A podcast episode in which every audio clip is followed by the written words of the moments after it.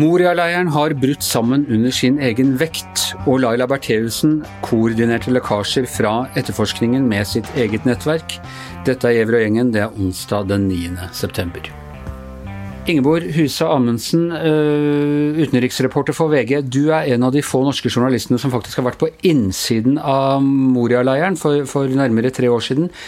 Hvordan tror du en sånn brann vil arte seg på et sånt område? Jeg tror at det har vært et fullstendig kaos i natterstimene inne i Moria-leiren. Eh, det jeg opplevde da vi var der i desember 2017, eh, og som har vært situasjonen hele tiden, er at det er ekstremt tett bygd og tett bebodd. Eh, denne leiren ble jo dimensjonert for eh, i underkant av 3000 personer i utgangspunktet, og så har det bodd kanskje opp mot 20 000 mennesker inne i leiren, leiren også i umiddelbar nærhet rundt. Eh, så når det bryter ut en brann da, som blir såpass stor, eller flere branner, og som sprer seg, så vil jeg anta at det har vært panikk Eh, og fullstendig kaos og løping rundt omkring og ingen eh, oversiktlig situasjon i det hele tatt. Så det er jo egentlig et under at eh, det tilsynelatende ikke har vært noen dødsfall. Nå får vi vente og se om det er tilfellet. Men foreløpig ser det ut som det ikke er noen døde eller hardt skadede, og det er jo ganske spesielt. Og Jeg ser jo av reportasjen din fra 2017, da var det altså Det er doblet omtrent antall flyktninger der inne siden, siden siden eh, du var der? Ja, for problemet er jo at ingen reiser derfra. Nesten ingen reiser derfra, alle blir værende. Eh, så dette har jo vært eh, en varslet katastrofe som veldig mange har snakket om i mange år. Og representanter som er på øya fortsatt fra humanitære organisasjoner, forteller til meg nå at dette er jo som en eh, sydende kjele som på et eller annet tidspunkt måtte måtte eksplodere, og nå har det altså skjedd. Og så spør man seg hva skal skje med alle disse eh, 13 000-20 000 menneskene som, som går nå rundt på den øya gatelangs, hjemløse, uten mat og drikke. Og blant dem da i hvert fall 35 eh, som er bekrefta smitta av koronaviruset. Ja, for presset har økt de siste dagene etter at det ble kjent at det var koronasmitte inne i leiren. Så eh, Arbeiderpartiet har vært ute og bedt regjeringen ta imot folk, og nå har regjeringen sagt at de skal ta imot 50 eh, stykker. Hva, hva tror du om det? Nei, det er jo det som nå skal gjennomføres eh, på et eller annet tidspunkt. Og så kommer det jo reaksjoner på at det er for få, eh, mener jo andre partier. Så får vi se om det vil bli snakk om å ta imot flere. Men dette har jo vært en utrolig omstendelig og lang prosess da, som kom i forkant av brannen. Eh, hvor Norge har venta på at andre europeiske land skulle ta imot sin andel, og at det skal være en slags dugnad. Vi vet jo at det er rundt 5000 barn i Moria-leiren, eller nå rundt omkring på Lesvos. Uh, og det er fortsatt et åpent spørsmål hva som skal skje med alle de. Og nå, nå som det er koronasmitte der også, så må jo folk uh, bli testa og satt i karantene og sånn, så de kommer seg ikke noe annet sted på en stund. Statsministeren i Hellas har jo også sagt at det ikke er snakk om å flytte folk til fastlandet foreløpig pga. korona. Er dette et tegn på at eh, hele flyktningsituasjonen i Middelhavet og, og mottakene sånn er i ferd med å bryte sammen? Krenge under sin egen vekt, rett og slett? Hmm. Ja, altså dette ser jo ut som et, eh, et bilde på det. Altså en, en, Europas største og verste, kanskje en av verdens verste flyktningleirer i, eh, i brann. Um, sånn at um, jeg tror nok det, det, stemmer det du sier, at det, nå har eh, tiden kommet til at noe må skje. Det er jo flere leirer eh, i, i området. Hva er det som gjør at spesielt Moria-leiren har fått et sånt voldsomt fokus? Det er jo fordi at det, er den største leiren. Det er utrolig mange mennesker som har bodd der. De andre har vært mye mer kontrollert. Eh, det handler jo en del om hvordan leiren har blitt drevet. Da. Jeg var i en annen leir på Lesvos som var liksom rene paradis å regne, til sammenligning med Moria. Moria er virkelig det verste stedet jeg har satt mine føtter, og jeg har vært i Syria, jeg har vært i Irak. Eh, Moria er eksepsjonelt ille. Eh, sånn at Man kan jo nesten håpe at menneskene som har bodd der nå, får, går en bedre skjebne i vente, men all den tid det er så uklart og på en måte eh, ingen helt klarer å røre i det her, så er det jo veldig usikkert. Men det er jo nettopp størrelsen på Moria som har gjort det så så ille, da. Det har jo vært et sammensurium av, av mennesker fra Syria og Irak og Afghanistan, og utrolig mye eh, press og, og amper stemning dem imellom. Og uh, Når du da sier at andre leirer var paradiset i, i, sammenheng, hva betyr det? At de hadde bedre plass? At de hadde bedre kommunikasjon? Hva, hva var det som har distansert Moria fra disse? Nei, I de andre leirene så har det vært eh, passasjer, gater mellom konteinere hvor familier har bodd hver for seg. Det har vært ryddig og rent. Det har vært aktiviteter for barn og, og ting å finne på. Et, et, slags liv, da. Mens i Moria så har det vært fullstendig kaos. Søppelet rant over. Eh, vi tok oss jo inn i selve leiren, som du sa. Eh, og det som møtte oss der, var liksom helt ulevelige forhold. Doene rant over, folk tente bål av søppel, og midt i alt det her gikk barna rundt uten sko. Det var desember, eh, mørket hadde kommet. Altså, det var liksom som scener fra en eller annen forferdelig film. Og så har man altså bare fortsatt å fylle på med, med flyktninger i de årene siden du var der? Ja, det er det som har skjedd. Og nå har det altså brutt ut en stor brann, og nå må, må, det komme en slags eh, løsning, både midlertidig og på lengre sikt, for disse menneskene. Tusen takk skal du ha, Ingeborg Huse Amundsen. Og da skal vi til deg, Astrid Mæland. Du er i uh, Oslo tingrett i dag og dekker Bertheussen-saken. Og i dag har vi fått, uh, eller har retten fått innblikk i et uh, eget nettverk som har vært rundt Laila Bertheussen, og som hun har konsultert med i hele denne perioden.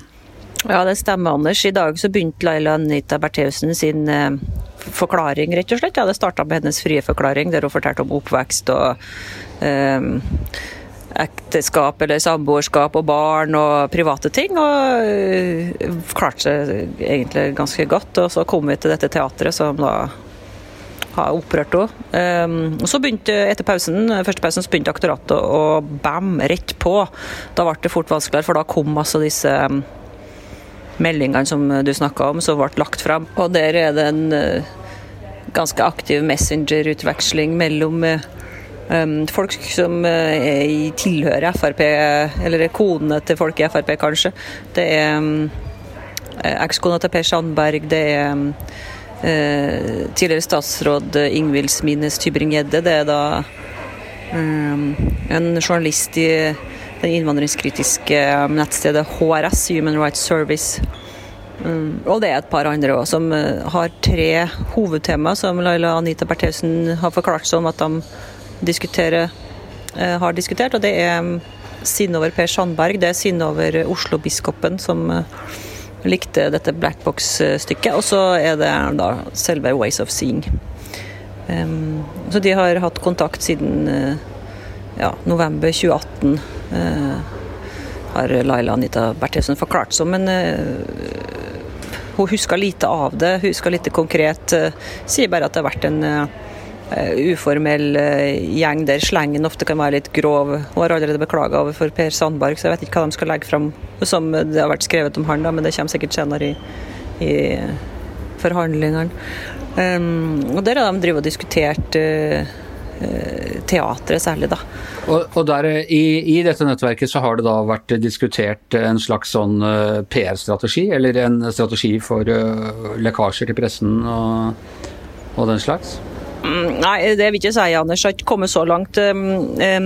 Mesteparten eh, av det som er lagt fram, fram til nå, er SMS-er og messengermeldinger mellom Ingvild Smines Tybring-Gjedde og Laila Anita Bertheussen.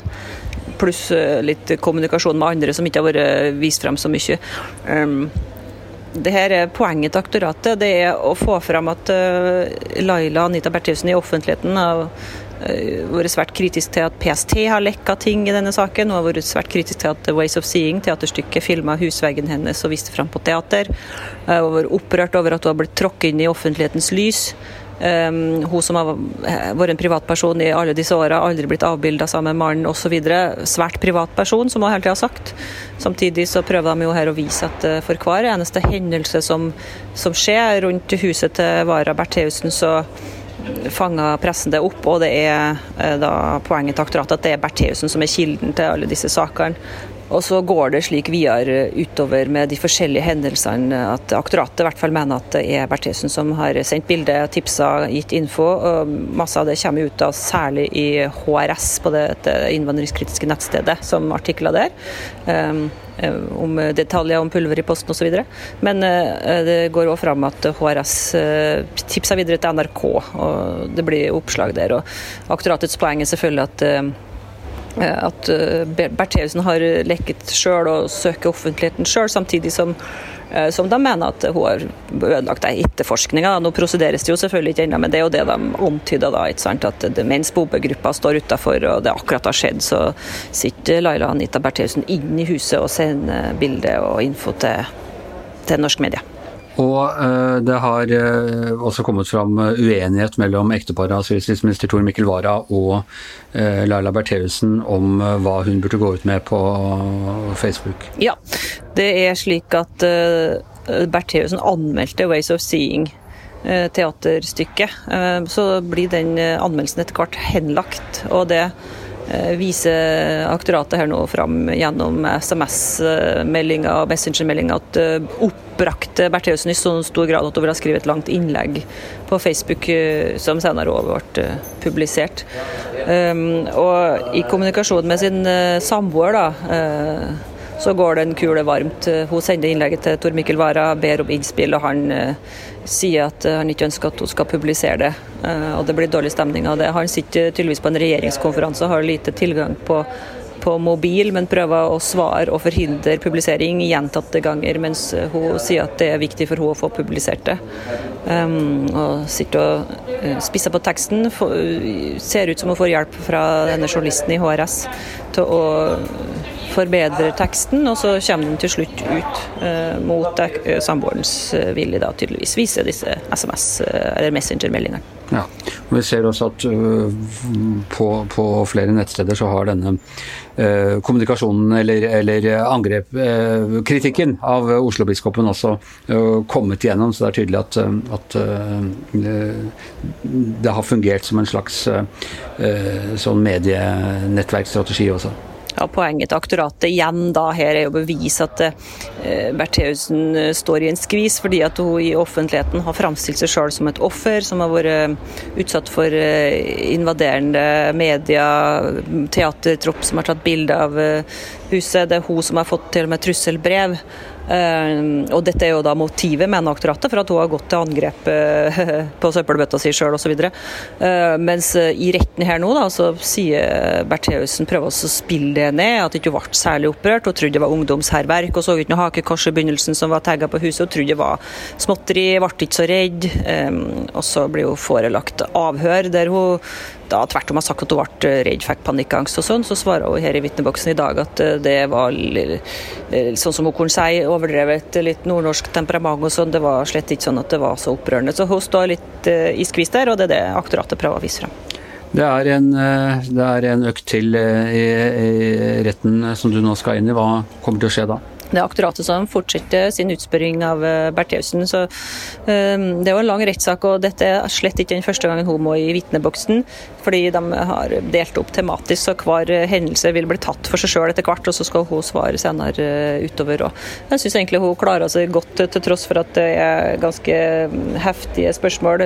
Det er rett nok mange ting ikke husker, men hun er solid, virker sjølsikker, trygg. Hun får en klem av samboeren etter hver vanskelige mm, runde runde når det er pause. Eh, begge to utstråler på en måte en selvsikkerhet, selv om vi selvfølgelig ikke aner noe om hva som foregår i, inni hodet deres. Men hun svarer greit og eh, blåser bort en del ting, ler av en del ting. Eh, har glemt en del ting, men eh, sier f.eks. om krangelen at dette er sånn som foregår mellom folk som har vært sammen i 25 år, og det er slett ikke uvanlig. Ok, da skal du slippe inn i retten igjen. Gjever og gjengen er over for i dag. I retten Astrid Mæland på hvert sitt hjemmekontor, Anders Gjever og Ingeborg Huse Amundsen. Og mannen som sitter og tråkler det hele sammen, sitter på sitt hjemmekontor og heter Magne Antonsen. Vi høres igjen i morgen.